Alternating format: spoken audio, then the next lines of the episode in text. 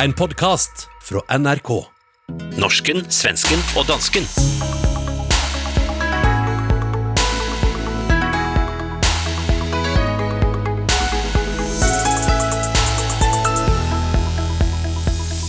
Svensk luksusturisme, ballade i Dansk Akademi, og hvad i all verden sker i ledelsen av det norske oljefondet? Den næste timen skal fyldes med luksusliv, bitterhet og smittevernoverlegens seks råd.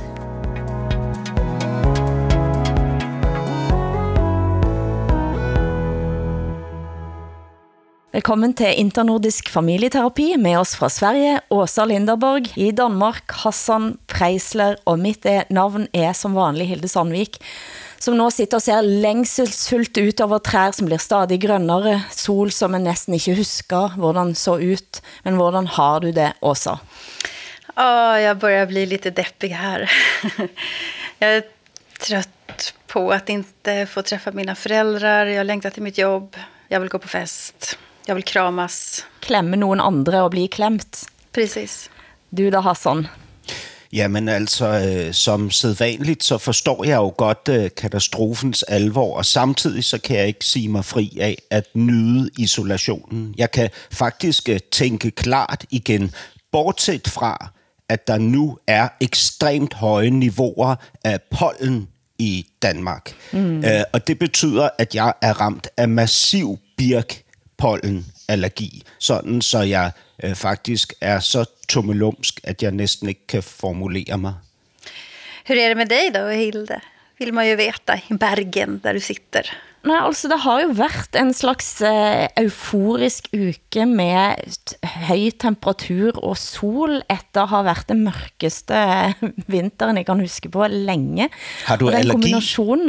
ingen allergi, og jeg bare surrer ute i varmen og i solen og late som livet er normalt. Og jeg tror den der liksom blandingen av at det er så vakkert, og folk ser så glade ut, og at en vet hvor vi er, eh, det har været lidt sådan næsten på grænsen til forvirrende, for en lever næsten normalt. Men så blir en hele vejen påminnet at dette er jo virkelig ikke normalt.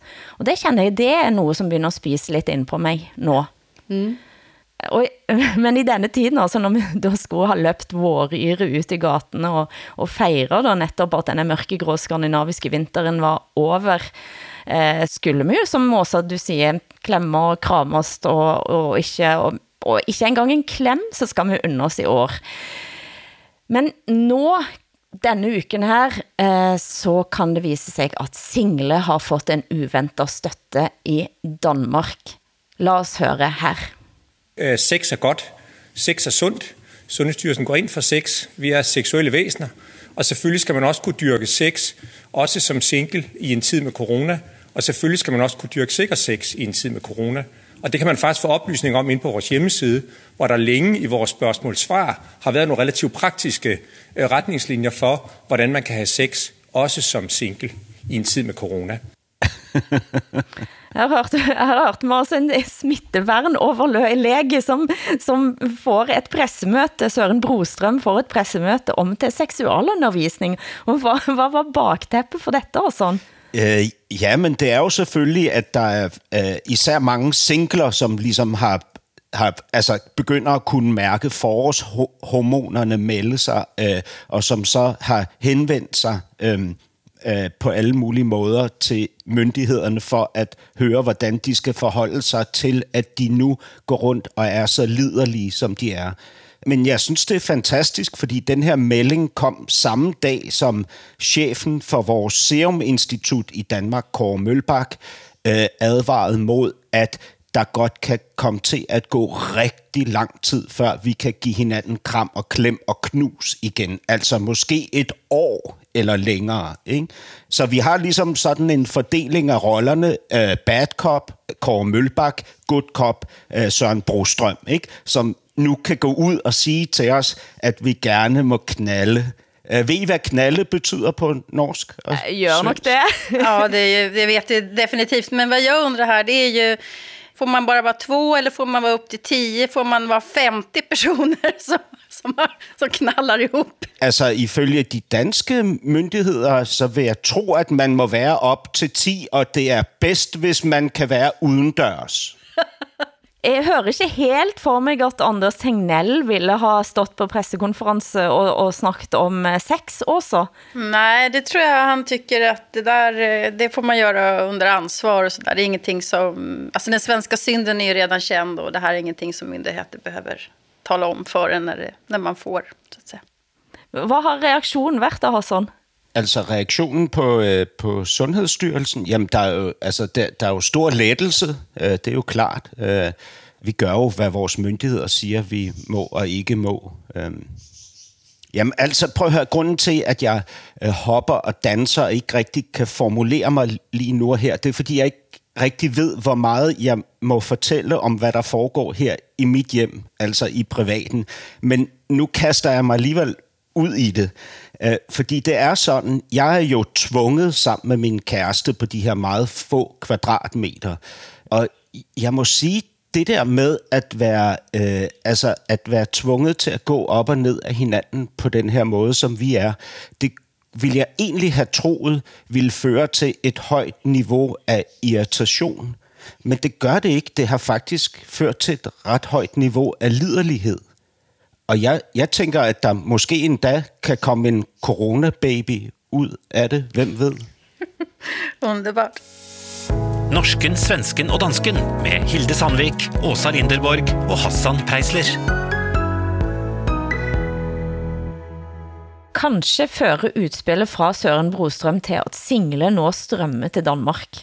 En helt anden form for turisme er på vej til Sverige, ifølge denne reportagen fra Aftonbladet TV. Många länder i Europa har stängt ner sina samhällen och det innebär också att frisörsalonger, restauranger och klubbar har bommat igen. Men för den som vill ha lyx och flärd finns Sverige kvar. Aftonbladet har pratat med en frisör som inte vill framträda med eget namn men som berättar att hon stött på kunder som kommer till Stockholm för att leva lyxliv. Om tanken är att vi ska hålla oss inne och hålla avståndet och alltså, att vi själva ska leva återhållsamt, hur man ska säga, så är ju inte tanken att folk ska komma hit från andra länder och kanske föra med sig smitta och, och så. Det blir ju jättefel. Under torsdagen kom regeringen med besked om att man förlänger inreseförbudet till Sverige med ytterligare 30 dagar fram till den 15 maj. Men förbudet gäller inte EU-länder, Storbritannien, Norge, Island, Liechtenstein och Schweiz. Nu gränserna inte är stängda så kommer ju fler som har pengar och möjlighet att åka som inte heller bryr sig så mycket. Jag börjar förstå varför det svenska sättet inte funkar ute i Europa. För jag tror att vi är väldigt lydiga mot myndigheter här. Och det är man inte på andra ställen. Dette er kanskje en form for turisme der skulle vært foruten også. Det är så otroligt vulgärt. Alltså, rika bulgarer kommer till Sverige och, och festar och svinar. Och jag vet inte vad man ska göra åt det heller. Jag känner ju bara att jag vill kasta sten på dem. Jeg trodde det var sådan, at det, i Sverige tog imot alle flygtningar med, med åbne armer. Det er det indtrykket vi har i resten av Skandinavia. Ja, det här kan man vara utan faktiskt. Ja, men har du sett det på gatene? Nej, jag, tror, jag, jag ska inte säga, jag vet inte hur utbrett det här är, men, men tydligen så är det i alla fall några som kommer hit för att festa. Hassan, har du tænkt at mm, rejse på Stockholmstur for at fikse håret? Neglene? Altså, nu har, nu har salongerne jo netop åbnet sig igen i Danmark, så vi kan få klippet vores hår og filet vores negle. Uh, men udover det, så er der jo ikke nogen af os her i Danmark, der tør rejse til Stockholm lige nu. Øh, vi har jo en forestilling om, at der foregår et nyt blodbad i vores øh, svenske nabohovedstad. Jeg er veldig optaget af svenskene hos der også. Ja, ja, altså det er nok øh, det, jeg, jeg ser i mit feed på de sociale medier, som der bliver brugt mest tid på, det er sammenligninger med Sverige. Og det, det synes jeg er ret interessant, at vi har et ekstremt behov for at sammenligne os med vores søsternation lige nu. Men før forrige helg så blev det lanceret en smitteapp i Norge. Der er man altså først ute i Skandinavia. Lidt stolt over det. Over en million har lastet ned denne appen på rekordtid. tid. Nordmenn opfordrer til, altså til at overvåke sig selv på dugnad. Selvfølgelig har det skabt masse debatt. Her er et kort utdrag fra dagen på NRK PN. Og ute på gata i dag finner vi både skeptikere og de som allerede har sporingsappen på plass i baklomma. Ja, det har jeg. Nei, jeg har ikke kommet så langt ennå. Jeg hørte om det i går, at nå var han klar. Jeg vil tenke litt over det. Jeg er litt sånn skeptisk til, eh, til å gå rundt med Bluetooth og GPS på for å drive og, og spore både andre, da. Ja, da skal jeg gjøre det med en gang jeg meg inn, faktisk. Nei, det er jo for å eh, hindre smitte, da. Ja, folk eh, både laster ned og rynker litt på nesa av det her. Med meg nå har jeg deg, kollega og teknologijournalist i NRK Beta, Martin Gundersen. Hvem er dette problematisk for potensielt? Ja, det er jo f.eks. varslere i eh, større selskaper eller i staten som hvis de avslører hvem de har vært i nærheten av, så kan det bety at de mister jobben. Eh, Det er mennesker som har helt vanlige hemmeligheter. Det kan være noe som er enkelt som eh, at det er bare flaut, men det kan òg være at du f.eks. skjuler le- legningen din for foreldre, eller at du, lever et parallelliv som betyr veldig mye for deg at du kan holde atskilt. Men det er vel helt Eh, urealistisk at foreldre skulle få tak i disse dataene her som, som viser barnets bevegelser? Ja og nei, sant? Fordi det er jo flere ting som kan skje. Det ene er jo at eh, staten sier at nå har vi disse dataene og vi vil gjerne bruke dem til noe mer. Det har de sagt veldig tydelig at det har de ingen intensjon om. Eh, Sånn at det, man kan jo si at det er urealistisk, men det er likevel noen som er bekymra for det. Og så har du det at dataene kan komme på avveie. Hvordan ser dette ut i, i Sverige også? Har, eh, har dere tenkt å skaffe dere en app? Det pratas lite om det, men det är absolut ingenting som ännu har blivit verklighet. Eh, Man undrar ju effekten av en sån där... Eh, alltså hur effektiv den är. Sånn som jeg har forstått det, så vil appen varsle mig, hvis jeg har været 15 minutter sammen med nogen, som har i nærheden av nogen med corona, så kan Bluetooth eh, fortælle dig, om du har været i nærheden av dette menneske, men også fortælle, hvor det var du var i nærheden av et menneske som potentielt var smittet. Men det fordrer en masse testing.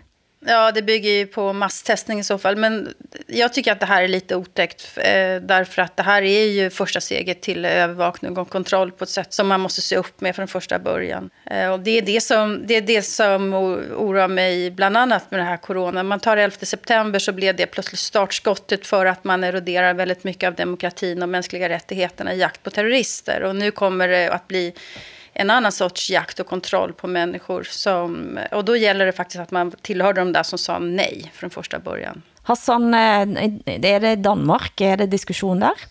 Øh, ja, altså appen i Danmark er jo på vej. Den forventes at være i brug om et par uger, og den er produceret efter norsk forbillede. Øhm, jeg, jeg, øh, jeg, jeg forventer, at der vil komme flere diskussioner af det etiske i at have sådan en overvågningsapp, men jeg tror samtidig godt, at man kunne opnå et rigtig højt niveau af tilslutning til den her app i Danmark. Og jeg sad selvfølgelig nu og tænkte, om jeg selv ville downloade den og lade mig registrere. Og det tror jeg faktisk nok, at jeg vil gøre. Altså, jeg mener, mm. jeg, jeg synes jo allerede, jeg er øh, registreret og overvåget netop gennem øh, de her andre apps, ikke, som vi bruger til vores øh, sociale kontakt, altså Facebook og Instagram og Twitter og alt det andet. Så øh, jeg synes måske, det er en app, som tjener et bedre formål. Og derfor tror jeg faktisk, at jeg vil gøre mig øh, den øh, øh, umage at downloade og registrere mig. Men lad os se. Det kan være, at øh, diskussionen vil forandre mit syn på det hele. Nej, altså fordi det jeg har foreløbig ikke lastet ned, har tænkt og tvilt mig frem til, at jeg sikkert kommer til at gøre det. Det ene er det, at end så længe det er så få, så blir tester, så, jeg, så stiller jeg lidt spørgsmål ved, hvor nyttig den er. Men samtidig så er det jo også noget med, at hvis det er det, som skal til for at vi skal få åbne samfund, eh, for at vi skal kunne eh, rejse eller delta på koncerter, eller være i, være i sammenhænger med mange andre mennesker, er det da pris værd at betale også?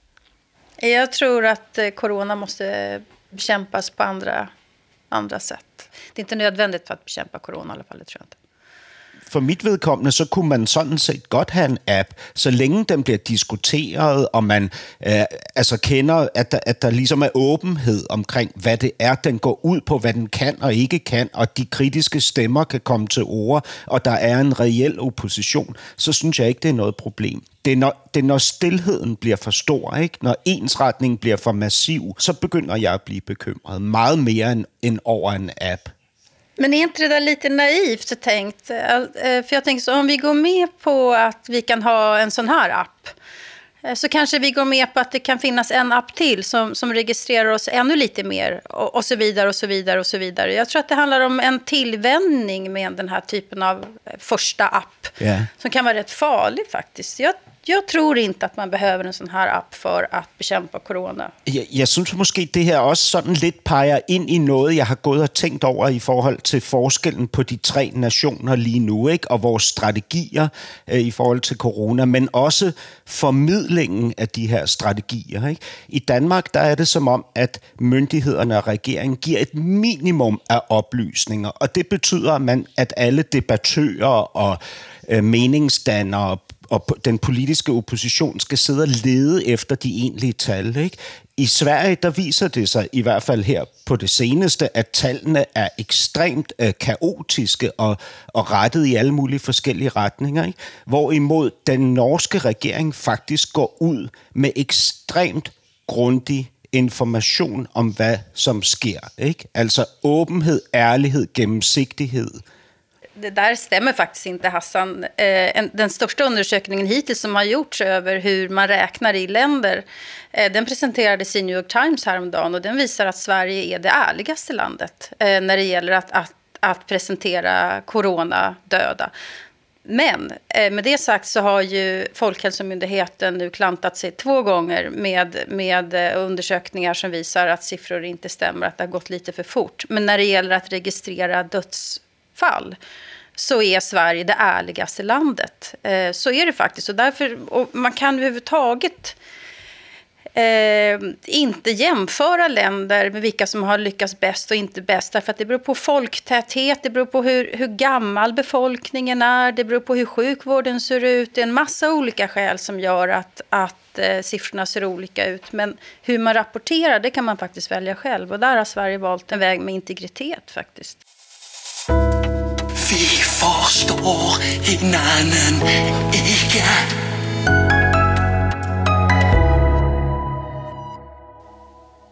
Vi tester altså ut nye spalter denne uken, og som i alle familier, så er det ikke fritt for at vi snakker forbi hverandre. Og Åsa, du har lyst til at sætte i gang. Hvad er det du ikke forstår eh, med naboerne? Ehm, alltså, det är ju ofta journalister ringer till mig från Norge och Danmark och jag har snart slutat svara därför att det är något otroligt cyniskt i framförallt skulle jag säga norrmännens förhållande till, till Sverige. Eh, att man önskar att svenskar ska dö för att man vill säga att den svenska vägen har, har varit fel. Och jag fattar inte. Alltså om det hade varit fotbolls-VM kan jag förstå. Om vi hade legat i krig med varandra på riktigt, då kan jag förstå. Men det här handlar faktiskt om, om människor. Eh, och jag tycker det är så... Ni är förjävliga faktiskt. Just det. Altså, og, vi- og hvor hører du denne skadefryden? Er det, blir det sagt direkte til dig? Nej, men man hör ju det på era röster. Man hör ju liksom att ni är lite glada över att det dör eh, så många svenskar, eh, trots att vi har den schysstaste räkningen och hur ni själva räknar, det vill ni inte erkänna då. Men, men det är någonting att ni liksom, varje ny svensk så, så säger ni jippi. Det är ungefär så det så det känns. När ni egentligen borde säga wow, vad spännande att Sverige går en egen väg. För att om det är så att den svenska vägen faktiskt skulle vara lyckosam så är ju det den mest liberala, den mest humanistiska, den mest demokratiska och så vidare. Jag tyckte alla borde hålla på Sverige, men ni vill ju att vi ska dö helt uppenbart. Nu skal jeg s- s- vente med at sige, hvad jeg selv tænker, men sådan, er det sådan i Danmark? Er, er man glad, når det dør svensker?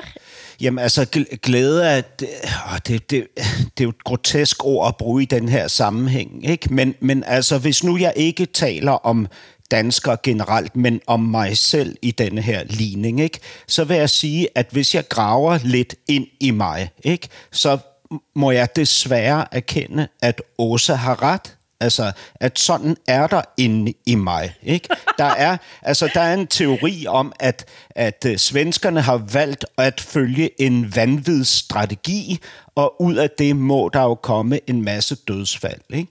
Og hvis, hvis virkeligheden ikke lever op til det, jeg har formuleret for mig selv, så føles det for det første som om, at mine ofre er forgæves. Altså, at jeg sidder her i isolation for ingenting. Ikke? Men ud over det, så er der et andet niveau, som jo også er ret frygteligt at måtte erkende. Ikke?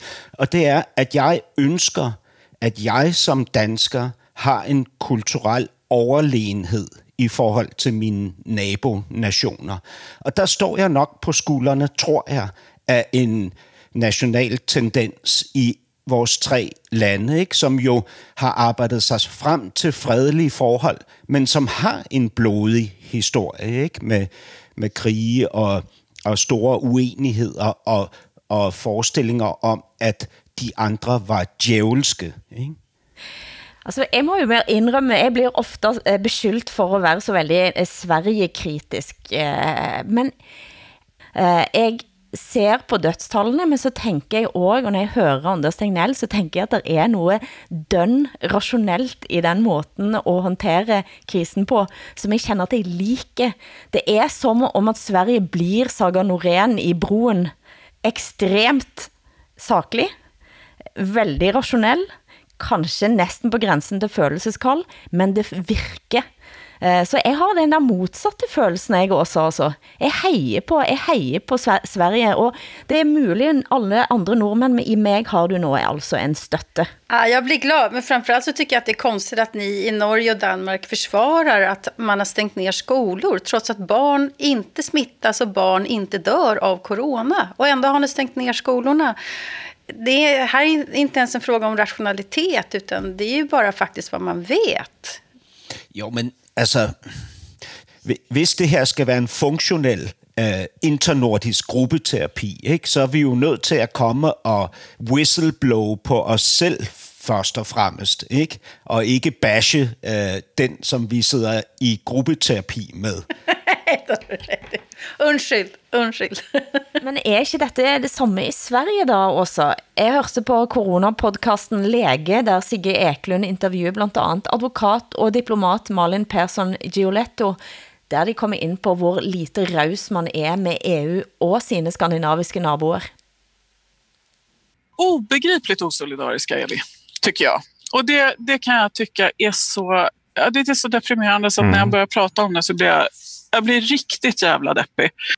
Som liksom eh, vågar fråga sådär, jaha, vad gör liksom EU i det här då och varför gör inte de? De gör nog så ohyggligt mycket för Sverige då om vi ska koncentrera oss på dem. Men inte fan är det så att man står på några presskonferenser och pratar om tack snälla mm. EUs exempelvis upphandlingssystem så att vi inte står helt utan eh, sjukvårdsmaterial nu som vi inte har lagrat eftersom vi sålde ut apoteken eh, för flera år sedan. Mm. Så det, det, allt det där är ju, jag säger inte att jag liksom inte inkluderas i det. Eh, för att det är ju väldigt mänskligt att, att reagera på det där sättet. Du skyddar i första hand din familj, i andra hand liksom din större sociala grupp ehm, och, så, I och så sista hand Norge, höll jag på att säga.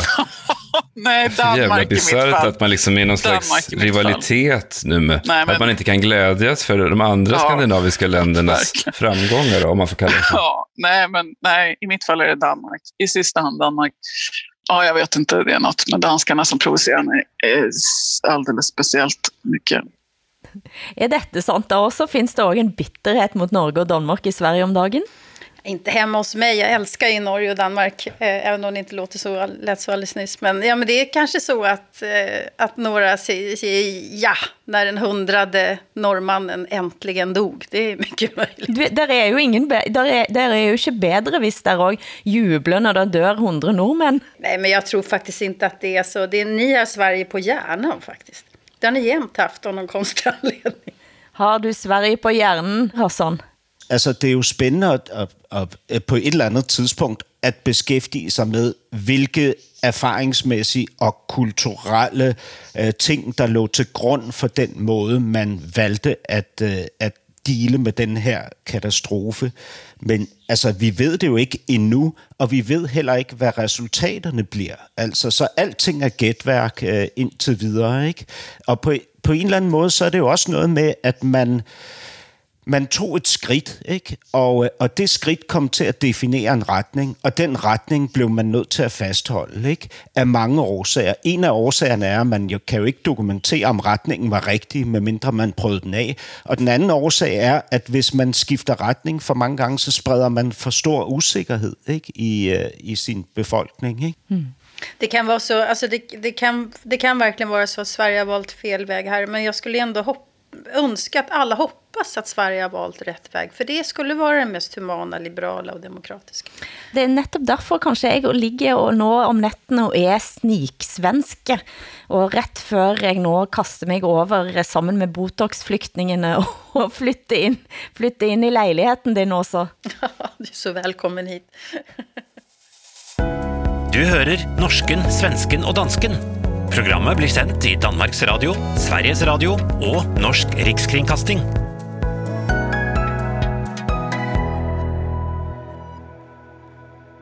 Det er mye bitterhet om dagen. Ehm, den kinesiske ambassadøren klager på danske medier. Danske medier nægter at fortælle om hvor hjælpsomme og rause kinesiske myndigheder er med Danmark. Det sa den kinesiske ambassadøren i Danmark, Feng Tie, i mandagens udgave av magasinet Lippert på TV2 News. Lad os høre her. You know, as the Chinese uh, uh the donations from uh, Chinese uh, uh, uh, uh, business foundations arrived to China, when medical supplies arrived to China, um, they there's very little reporting or no reporting at all. If there is a reporting, um, you know, they are reluctant to mention the name of China. Uh, it said that these medical supplies come from a foreign country. Mm. Uh, which uh, country is that foreign country? I'm, I'm quite confused, you know. And, other, uh, and, and then it, it, reported that China, you know, this, um, this medical supplies uh, from China uh, is only because China want to use these medical supplies to exert political pressure well, on Denmark. Dette har skabt reaktioner, Hassan. Jamen altså, det er jo klart, altså der, der er jo et, øh, et bredt politisk raseri over den her udtalelse. Øhm, og det, det er jo selvfølgelig på det bagtæppe, at vi forestiller os, at den her virus kommer fra Kina, ikke? Og at, øh, at Kina er den her massive nation, ikke? Med det her enorme militær, med den her i global perspektiv ma- massiv økonomi, ikke? Og så, og så fremstiller de sig selv som ofre for, øh, hvad hedder det, de danske medier, ikke? Altså det er, det er, det er sådan noget, der er virkelig svært at takle i den her tid. Ikke? Du kan jo høre, at jeg bliver meget animeret af det her. Ikke? At det aktiverer alle mine fordomme og hele mit raseri. Ikke? Og det har det jo gjort hos rigtig mange mennesker. Ikke? Der er, jeg tror lige, og lige for tiden er der nul tolerance over for Kina. Er man lidt venligere indstillet til Kina i Sverige? Jag, jag funderar på det här äh, Kina-föraktet som finns. Man ska inte säga att jag gillar inte Kina, det är så hemskt att säga så. Men det är en diktatur eh, och men problemet för mig är att, att det är inte Kina som tar över hela världen, det är kapitalism som tar över hela världen. Man kan göra det genom att köpa upp länder som Kina gör, man kan göra det genom att köpa upp länder och dessutom attackera dem militärt som USA gör. Men, men det, är, det är fortfarande så att det är ett ekonomiskt system där, där stater ligger i krig med varandra inom samma ekonomiska system. Och det är, det är otäckt tycker jag. Nå eh, hørte vi Malin Persson Giolito snakke om, at vi er så usolidariske med EU. Er dette tegn på, at vi begynder at bli veldig nationalistiske? Ja. Yeah. Alla blir nationalister nu. Det har ju visat sig i, i coronatider bittre og nationalistiske. Det er overbygningen. altså, det, det jeg frygter allermest, ikke, det er jo et kollaps og en forandret samfundsorden. Ikke? Og det er klart, at den her virus skræmmer mig. Men kineserne skræmmer mig også. Ikke? Altså, jeg forestiller mig jo en, altså, en invasion af en art, altså i, i, øh, i Vesten, ikke? når jeg ligger og, og, og har marit om natten. Det låter det, som när högerpopulister pratar om muslimer, ungefär. de ska ta över hela världen, og snart kommer de. Og... Jamen, det er jo ikke sådan noget med, at, de, at jeg forestiller mig, at de kommer ridende på heste ind over grænserne øh, med præsidenten som en anden Genghis Khan. Ja, det er mere sådan en, hvad kan man sige, en økonomisk overtagelse, jeg frygter. Ikke? Øh, og jeg siger ikke, at det er en reel frygt. Jeg siger bare, at jeg har den frygt, og, og hvis jeg har den, så kan det være, at der er andre, der også har den. Og det er man jo også nødt til at tage hensyn til, at øh, altså ikke ved at indrette verden efter det, men ved at, at kunne tale om de her ting. Ikke? Det er jo klart, at vi har en angst over for det, der er fjernt og ukendt og stort og massivt og, og magtfuldt. Ikke? Selvfølgelig. Norsken, svensken og dansken med Hilde Sandvik, Åsa Linderborg og Hassan Preisler.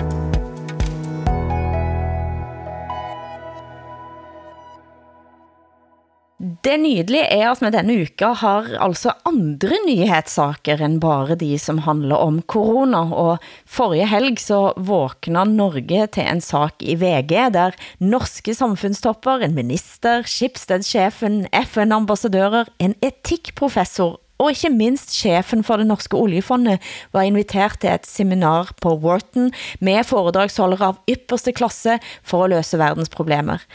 Flere af gæstene blev fløjet over på egne chartra luksusfly, og fik høre artisten Sting, som skal have fået 9 millioner kroner for at ha en to timers koncert. Det, som har gjort saken kontroversiell, er at mannen, som betalte for Gilde, senere fik jobb som ny chef for det norske oljefondet. Eh, er dette en sak, som har eh, flyttet over grænsene også? Nej, vi har faktiskt inte, inte pratat om den här i, i Sverige. Men ja, när jag, när, jag, när jag fick reda på den ändå så, så tänkte jag, men gud vad ni är naiva i Norge. Det är väl klart att eliten beter sig sådär. Det är klart att det finns korruption och alltså, gud vad ni, är, vad ni är efter. Men sen så pratade jag med en norsk kollega här som, som säger att jag måste förstå att oljefonden räknar norrmännen som sin. Det är våran fond. Det finns något demokratiskt i den. Eh, det är ett gemensamt projekt. Det är från början en socialdemokratisk liksom, institution. Och då vill man ha någon som leder den som har folkliga värderingar. Och det, så långt hade ju inte jag riktigt eh, eh, tänkt. Men om man då ska vara djävulens advokat i det här så kan man ju tänka sig, okej, okay, det här är en människa som helt uppenbart beter sig som, eh, ett, som eliten gör. Eh, men frågan är, kan han hantera oljefonden? Det är väl egentligen det som kanske är det viktigaste nu när den sjunker som en sten. Altså den påtroppen oljefondschefen Nikolaj Tangen sendte efter luksusseminarien i en e-post, der han bad sittende oljefondchef Yngve Slyngstad om uformelt møte for at lære mer om hvad jobben innebar, før han søgte. Eh, dette møte blev aldrig noget av, eh, men e-postene er blitt offentliggjort, og Tangen måtte denne uka forsvare indholdet på TV-programmet Debatten. Hør her. Hvis eh, Slyngstad havde svart dig, eh, Tangen, er du da enig i at både du og han havde sittet ganske eh, dårlig i det akkurat nå? Altså at den sittende oljefondschefen blandede sig i ansættelsesprocessen av den nye? Nei, Jeg tenker for så vidt ikke at det, det å blande seg inn i ansettelsesprosessen. fordi det var jo helt klart at Slyngstad ikke hadde noe med ansettelsen å gjøre. Det var jo et ansettelsesutvalg. Og, øh, mens en sånn samtale vil jo være for å få rede på hva, hva, stillingen egentlig går ut på. Altså Det er jo egentlig ingen i Norge som vet hva den stillingen virkelig går ut på, hva han, hva han gjør fra, fra dag til dag. Hvordan skulle vi andre kunne vite hva dere hadde snakket om, da? Nej, det, det vet jeg ikke. Det måtte jo ha spurt oss, da. Spurt meg eller han, eller? Ja, hvis det kom for en dag at Slyngstad hadde gitt deg detaljer om hvordan du burde oppføre deg for å få denne jobben, eh, f.eks., hva hadde skjedd da? Nei, nei, det kan jeg aldri tenke meg at han hadde gjort. Han er en mann med ekstremt høy integritet, og det er jeg også. det jeg også siger, men jeg, jeg må lægge til for danske og svenske lyttere, at Nikolaj Tangen er ingen eh, hvem som helst. Han har selv en formue, eh, men han er utypisk eh, riking, og i den måten at han, han er kunsthistoriker. Han har doneret sin kunstsamling for at bygge et kunstmuseum på Sørlandet. Han giver bort enormt store deler av formuen sin. Han mener, at arveavgift eh, er noe, altså at, altså, han, han mener, at eh, arvinger sitter alt for godt i det etter, etter arv. Han er kommunist, helt enkelt. Han er næsten en kommunist også. Han er på dit lag. han, han har jo også en meget ikke-typisk uh, skandinavisk måde at tale positivt om sig selv på. Mm. Jeg sidder og tænker på, hvis jeg havde 9 millioner kroner, så ville jeg altså ikke bruge dem på at hyre Sting. Jeg tror, det var også i Osborne, der blev spurgt på et tidspunkt, hvor det ikke gik ham så godt, hvordan han havde det, og så sagde han, it could have been worse, I could have been Sting. Og her har du altså Sting eh, måtte underholde en række med norske samfundstopper, blandt andet Schibsted-chefen. Hvad tænker du om det, Åsa? Ja, nej, men alltså, det, det är ju bestickande, jag vet inte om ni har det ordet på norska och danska, men det, det ser inte bra ut helt enkelt när hela hela samhällseliten umgås på det här viset och, och låter sig bli betald. Det, det, det gillar ju inte vanligt folk helt enkelt och man ska vara kritisk till det där. Jag funderar också på Sting. Jag levde i åtta år med en man som gillade Sting. Eh, det tog slut. Men eh, det kanske inte är dålig musik, musiksmak som är det stora problemet här, utan det är om han kan förvalta de här pengarna. Och det, det vet vi ju inte än. Alltså det är ju hela, hela norska pensionssystemet vilar ju i de här fonderna. Och då tror jag man struntar i Sting faktiskt. Då är det, no, då är det någonting annat andra egenskaper som ska till här och vi får väl se. Jag, jag hoppas ju att det går bra, verkligen. Mm. Altså det er 10 000 milliarder kroner. Det er mye penger som skal forvaltes. Dette er en mand, som i alle fall har vist, at han forvalter sin egen formue godt. Og en kan jo stille spørgsmål ved, hvad skal til for at folk uden for politisk sfære opsøger denne type jobber? Og for min del så må jeg indrømme, at jeg vil kanskje da heller ha en Nikolaj Tangen, end jeg vil ha en eh, politiker, en Siv Jensen, tidligere finansminister, eller med, hvem det måtte være, som skal forvalte og som skal sitte på toppen i den type stilling. Alltså min, min norska kollega här, han gjorde mig uppmärksam på ett namn Knut Kär, mm. som skötte oljefonden för, förra gången eller någonting, under finanskrisen i alla fall. Eh, och då var ju rådet då att man inte ska spekulera helt fritt. Och vad jag förstår så skötte ju Norge oljefonden ganska bra där under finanskrisen. Och han har ju gett sitt stöd åt Nikolaj Tangen. Så då ja, inte fan vet jag någonting om Norge, men jag tänker i alla fall, att man ska ge honom en chans. I Danmark forstår vi jo ikke, hvor massivt det er at være direktør for oliefonden. Altså, vi forstår jo ikke, hvilken magtfuld position det er. Vi har jo ikke noget... Øh, altså, ja, ja, så har vi Mærsk måske. Måske er det på niveau med Mærsk. Øh, jeg, jeg ved det ikke. Altså, men det er jo en privat virksomhed, en privat familieejet virksomhed. Mm. Men, men vil det svare til, at vi havde en direktør for alle vores 14 øh, millioner svin. det er helt jämförbart. Så, men den kan kunne sett for sig en stor grisebonde i Danmark. Altså, det er jo 13,8 millioner officielle svin, men, men altså, så er der måske nogle uofficielle svin altså, også. pappersløse svin også. Ja, statsløse svin. Forrige uke så snakket vi også om Susanne Brøgger, eh, men samme dag eh, så var det en helt anden sak, som bragte henne i nyhetene i Danmark, da fire medlemmer av det danske akademi gik av i protest mot et medlem, Marianne Stitsen. Hør her. Det danske akademi er ramt af en alvorlig krise. Fire af de nuværende medlemmer har frasagt sig deres livsvarige medlemskab i vrede over et andet medlem, Marianne Stissen, og hendes mange kritiske udtalelser om MeToo-bevægelsen. Og det er Weekendavisen, der afslører det i en stor forsidartikel i dag. Og hun har jo ved adskillige lejligheder markeret sin kritiske holdning til MeToo-bevægelsen, som du siger. Øhm, men men øh, altså, det, som jo skabte øh, opmærksomhed over hele verden. Men det er simpelthen gået for vidt, mener Marianne Stisen, som i øh, 4. Division her på P1 tilbage i 2018 sagde sådan her. Sådan som jeg fortolker det, der bliver øh, MeToo og andre af de her krænkelsesbevægelser øh, brugt øh, som en anledning, et afsæt øh, til øh, at gennemtrumfe nogle politiske agendaer, som går imod det øh, moderne øh, demokratiske samfunds øh, grundprincipper. Marianne Stissen, som øh, har sammenlignet MeToo med en terrorbevægelse og ment, at øh, man burde retsforfølge øh, aktivisterne efter terrorparagrafen. Øh, Marianne Stissen skulle angiveligt have meddelt sine kolleger i akademiet, at hun ikke vil trække sig trods protesterne mod hende. Hun har ikke ønsket at kommentere balladen øh, med henvisning til øh, tavshedspligten. Hun har heller ikke ville stille op her hos os. Eh, Hassan Preisler her hører med fra DR eh, med forklaring av hvad som har skjedd eh, sidste uke i den danske akademien. Hvilken position har akademiet, og hvem er Marianne Stitsen? Jamen altså, øh, akademiet er jo den her fine gamle størrelse, altså øh, det er et, et, et meget øh, elitært øh, litterært selskab, som, øh, som mødes op i Karen Bliksens gamle hjem, Rungsted Lund, nord for København, og øh, holder møder, øh, som vi ikke ved noget om, fordi der er tavshedspligt, og så øh, uddeler de forskellige meget, meget fine priser til øh, forfattere. Øh, og øh, Marianne Stisen ved jeg ikke øh, noget om. Altså, jeg, jeg må erkende, at jeg havde faktisk ikke hørt om hende før konflikten med de, med de andre medlemmer af akademiet. Øh, jeg har jo så, selvfølgelig læst op på hende, øh, Altså, hvad kan man sige? Hun, hun udtaler sig markant. Øh, hun, er, hun er polemiker, debattør og, og tydeligvis en dygtig øh, polemiker, dygtig debattør. Så er hun øh, lektor ved universitetet og altså medlem af akademiet. Øh, når hun udtaler sig, så udtaler hun sig på egne vegne, ikke på akademiets vegne, og det har hun, så vidt jeg ved, gjort opmærksom på hver eneste gang, hun har udtalt sig. Øh, så vidt jeg, jeg kan se. Ikke?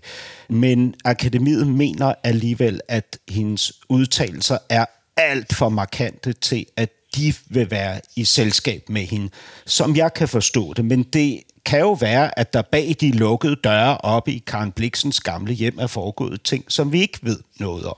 Nej, for det blev læk lækker brev eh, til Vikenavisen, og nogen mener da, at det var Marianne Stitzen selv, som skulle ha lækker disse brevene. For alt, som du siger, skal, som sker der oppe, skal være inden forbi lukkede dører. Ja, og så, så er det jo ligesom ført til en uh, konflikt mellem to af de store dagblade, hvor af man kunne sige, det ene er på højrefløjen, og det andet er på venstrefløjen, ikke? mellem redaktørerne for de her aviser. Uh, altså for mig, ikke? Og, men det er jo mit personlige perspektiv, ikke? så handler det her om den der øh, pluralitetsangst øh, eller pluralitetsforagt, som jeg ofte oplever, at vi har. Altså, at det er ekstremt svært for os i denne her lille nation at rumme øh, forskellighederne for alvor. Mm. I teorien gør vi det, ikke? I teorien er vi rummelige og tolerante, og i teorien mener vi, at der skal være plads til alle meninger i, øh, øh, altså i under samme tag. Ikke? Men, men i praksis er det bare rigtig svært, ikke? og det oplever jeg jo øh, utrolig ofte i min nation. Ikke? Og jeg har også arbejdet i Sverige, jeg har også været i Norge. Jeg vil ikke sige, jeg synes ikke, at det, at det er bedre i jeres nationer med pluraliteten. Altså, øh, der skal ikke der skal ikke meget til, før man bliver øh, trukket gennem byen, øh, og folk smider tomater og kartofler efter en, og man så bliver sat i hjul og stejle nede på torvet, ikke? for at være en af de forkerte. Men også du visste, du visste vem Marianne Stitzen var för, eh, för denne saken kom upp. Ja, jag har känt till hennes namn i ett par år med anledning av eh, det stora bråket i Svenska Akademin som ju bröt samman på våren 2018. Och då så var Marianne Stitzen en, en stor försvarare för eh, Horace Engdahl. Mm. Eh, och det var ju metoo-frågan också som Svenska Akademin sprack på jag är ju så kluven till, eh, till henne. Därför jag tycker hon är, är fullständigt osaklig och vulgär när hon kallar metoo för en terroriströrelse. Det försvårar såna, för sådana som mig som vill diskutera metoo, eh, problematisera metoo pressetiskt, eh, rättssäkerhetsmässigt men också ideologiskt. Är det verkligen så att kvinnor aldrig har ett ansvar för någonting och kan vi aldrig säga nej och bla bla. Så du har egentligen varit lite enig med Marianne Stitzen i, i detta spörsmål? Ja, i, till stora delar kan jag vara enig med henne men, men jag tycker att hon förstör eh, för sådana som oss andra som vill diskutera som också vill diskutera metoo. För jag tycker hon är för kategorisk, hon är, är för svart eller vit och hon är för aggressiv faktiskt. Um, jag blir förvånad att det här, jag blir förvånad att det här händer i Danmark. För Danmark är ju det land där, där metoo har haft svårast att tränga igenom. Och jag uppfattar ju också att Danmark är ett land med mycket högre tak än Sverige. Så att när, när du Hassan prat, beskriver hur, hur, hur svårt det är med pluraliteten i Danmark så blir jag förvånad. För jag tänkte, det lät som du pratade om Sverige, för det är så jag pratar om Sverige. Här får bara en enda åsikt få finnas hela tiden corona skulle man ju kunna säga är ett sånt exempel. Eh, och eh, jag blir ledsen.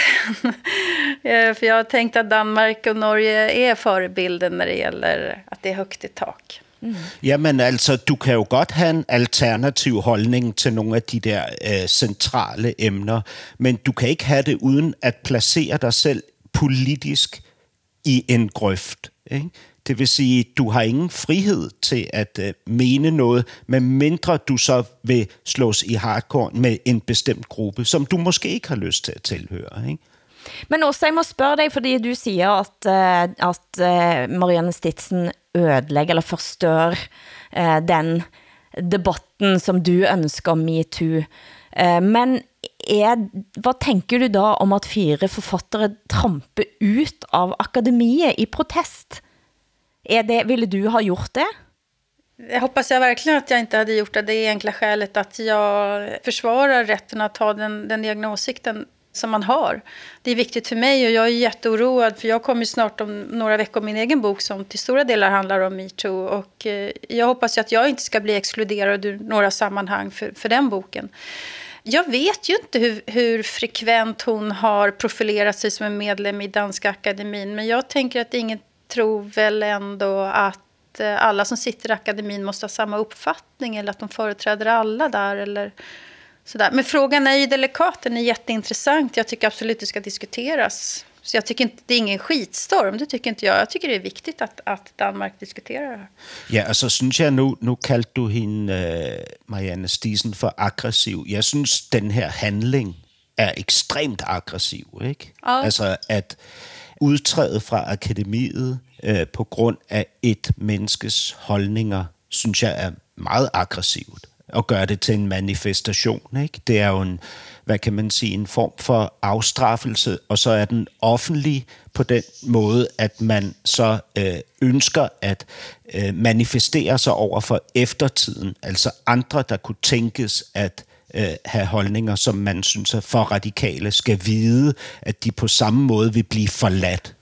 Men samtidigt så finns det väl också en gräns kan jag tänka för vilket sällskap som man faktiskt vill ingå. Låt säga att det hade varit fyra nazister då eller någonting sånt. Eh, det, jag har ingen skyldighet att delta i, i ett sällskap eh, där medlemmarna kanske rör sig åt ett håll som jag verkligen, verkligen, verkligen tycker är, är förfärligt.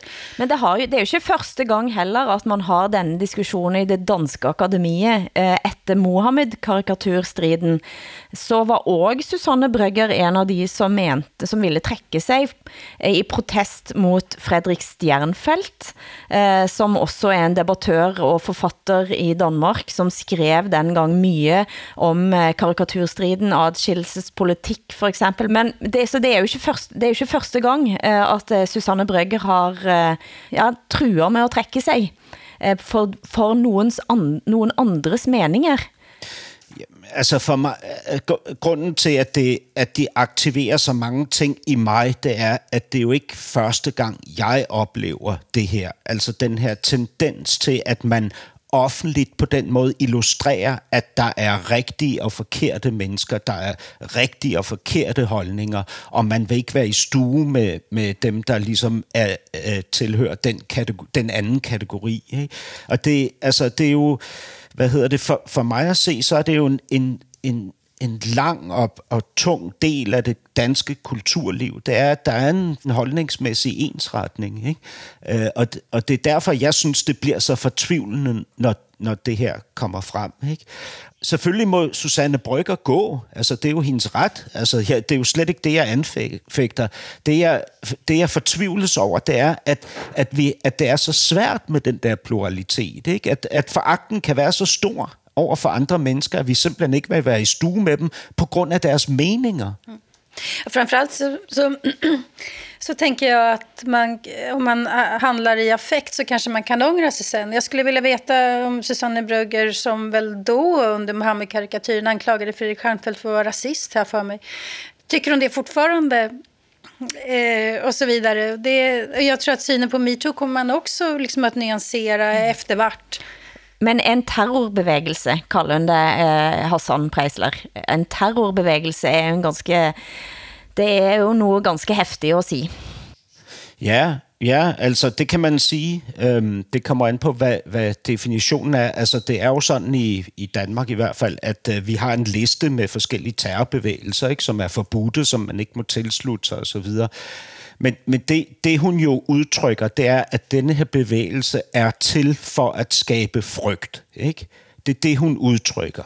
Jo, fast men det, øhm, eh, jag tror att du kommer tycka om min bok, Kassan, på den punkten. Eh, men om vi kallar metoo för en, en terrorrörelse så betyder inte det ordet någonting till slut. Eh, så att, att kalla det för terrorism, det, det, är, det är faktiskt helt absurt. Och med det sagt så finns det många problem med metoo. Something is rotten in the state of... Dansk jävlar! Vi tester ut nok en spalte i denne uken. Eh, Something is rotten in the state of.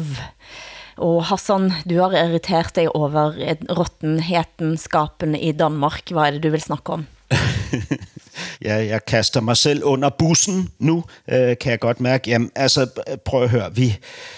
Åh, jeg, jeg, jeg fortvivles jo, når jeg ser, hvordan vores kulturliv i Danmark, altså kunsten i den grad lever i dysfunktionelt forhold til staten. Ikke? Altså, hvor vores kulturliv og kunsten betragter sig selv som afhængige af staten. Ikke? Og det afhængighedsforhold, ikke? især når vi nu har en stat, som ikke anerkender og elsker øh, kulturlivet og kunsten for, for sin opposition og sin livlighed og sin kreativitet og sådan noget. Det forhold er altså dysfunktionelt, ikke? fordi kunstner og kulturlivet skal ligesom æde krummer fra, fra øh, statens bord, ikke? staten, som så siger, jamen så kom her og tag lidt. Vi interesserer os ikke for alvor for dig, fordi du ligger så langt øh, nede eller oppe på Maslows behovspyramide, at du nærmest er unødvendig. Ikke? Og så skal vi ligesom øh, løbe rundt med, med tungen ud af halsen efter de her krummer. Ikke? I virkeligheden, så burde kunsten og kulturlivet jo være i opposition til magten, altså i opposition til staten, så den kan adressere, øh, øh, hvad hedder det, magten når magten misbruges. Ikke? Og det gør den jo hele tiden. Altså, det, er jo, det er jo et uundgåeligt forhold. Ikke? Det er jo ikke bare i Danmark at dette ropet efter staten jalle fra kulturlivet, og her er det altså eh, Arbeiderpartiets kulturpolitiske talskvinde Annette Tretbergstuen, som altså roper efter kulturminister Abid Raja kom på banen. Hør her. Han er eh, fryktelig bakpå. Eh, kulturlivet har ikke fått de tiltakene de trenger for å overleve eh, denne krisa, og han er nærmest usynlig i den offentlige debatten også. Men det er ikke bare politikere som er negative til kulturministerens innsats for kulturlivet. Organisasjonen Virke mener han ikke gjør nok for en bransje i krise. Sånn som vi opplever regjeringen, så er de, er de opptatt av å sørge for at eh, man kommer gjennom krisen. Og da hadde vi forventa en aktiv kulturminister som sto på i forhold til både Filmfondet og eh, økte bevilgninger i pakken til kulturlivet. Det sier administrerende direktør i Virke, Ivar Horneland Christensen. Men kulturminister Abid Raja er uenig i kritikken. Jeg må si det er litt oppsiktsvekkende for meg å høre at jeg er usynlig. For det er i hvert fall første gang i mitt politiske liv jeg kan huske at noen har anklaget meg for å være lite synlig. Det er kanskje første gang denne mannen, som ofte opptrer i ganske ville dresser, blir sett på som var usynlig. Men er ikke dette et poeng da? Eller hva, hva, skal, hva skal kulturen gjøre? Sende hjem skuespillere inn i stuen min for å vise forestillinger, eller hva, hva tenker du også? Först måste jag bara säga att när, när Hassan pratar om kultur, jag älskar dig Hassan när du pratar om, om vikten av kultur och vad kulturen ska vara. Alltså, jag suger in med det, jag älskar det fullständigt. Tack. Problemet är ju att eh, staten betalar väldigt, väldigt mycket för kulturen. Och då är frågan, ska man ändra det systemet nu när corona har kommit? Alltså, någon måste ju ändå betala för de här konstnärerna. Då är frågan hur mycket och sådär. Här blir det prioriteringar. I Sverige så, så finns ju nu teater som streamas och allt sånt där. Men, men det är en stor sektor som kostar mycket pengar för staten. Och det är, in, det är inte bra, precis som Hassan säger, alltså om, man, om man ska ta efter corona så måste det finnas fler som betalar för kulturen. Därför att det, finns, det skapar en lojalitet eh, med staten. Och staten är väldigt ideologiskt trendkänslig. Och det är ett jätteproblem. Är det. Vad skulle du önska dig av kulturlivet akkurat nu, Hassan? Nå, men jeg kunne godt tænke mig, at kulturlivet lige præcis i denne her situation var var der ude over det hele hele tiden, ikke? i gader og stræder, altså øh, digitalt online, meget, meget mere end den er allerede. Jeg er godt klar over, at der er nogen, der vil sige, jamen vi gør det, vi gør det, men mere endnu, altså lige præcis i denne her tid. Ikke? Og ikke kun som det regeringen ønsker, altså et samlingspunkt, hvor vi synger godmorgensange til hinanden, men altså noget, noget som er i opposition, ikke? noget der protesterer, noget der øh, forbinder sig til den komplekse menneskesjæl, ikke? som lige nu skal tvinges ned i en kasse, fordi vi skal marchere i takt. Ikke? Hvad, altså, lad, lad, os, lad kunsten give os de her øh, kreative eksplosioner, som vi har brug for som mennesker. Ikke? Marchere i takt, det er det eneste, som norsk kulturliv nå faktisk har fått Eh, statens velsignelse for at gøre. Og det er selvfølgelig på 17. maj, eh, der, eh, som dere vet, i Danmark og Sverige, så fejrer vi 17. maj som den største festen i året i Norge. Der går norske korps foran, og nu har det altså blitt eh, lov at marchere på 17. maj med to meters mellemrum på musikantene. Kan tænke sig, hvor lange og brede de, de korpsen de må i så fall bli, fordi vi nægte at gå ind i 17. 17. maj uden at høre lyden fra Nøttere skolekorps, som spiller gammel Jägermarsch, som vi altså spiller på vej ut dørene, og skal takke for oss her i dag. Hassan Preisler i Danmark, Åsa Linderborg i Sverige, og mitt navn er Hilde Sandvik.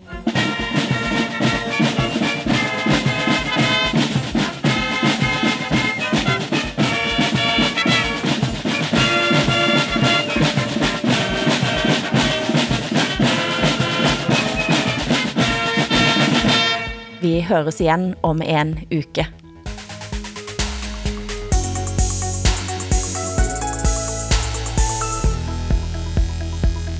Du har hørt en podcast fra NRK.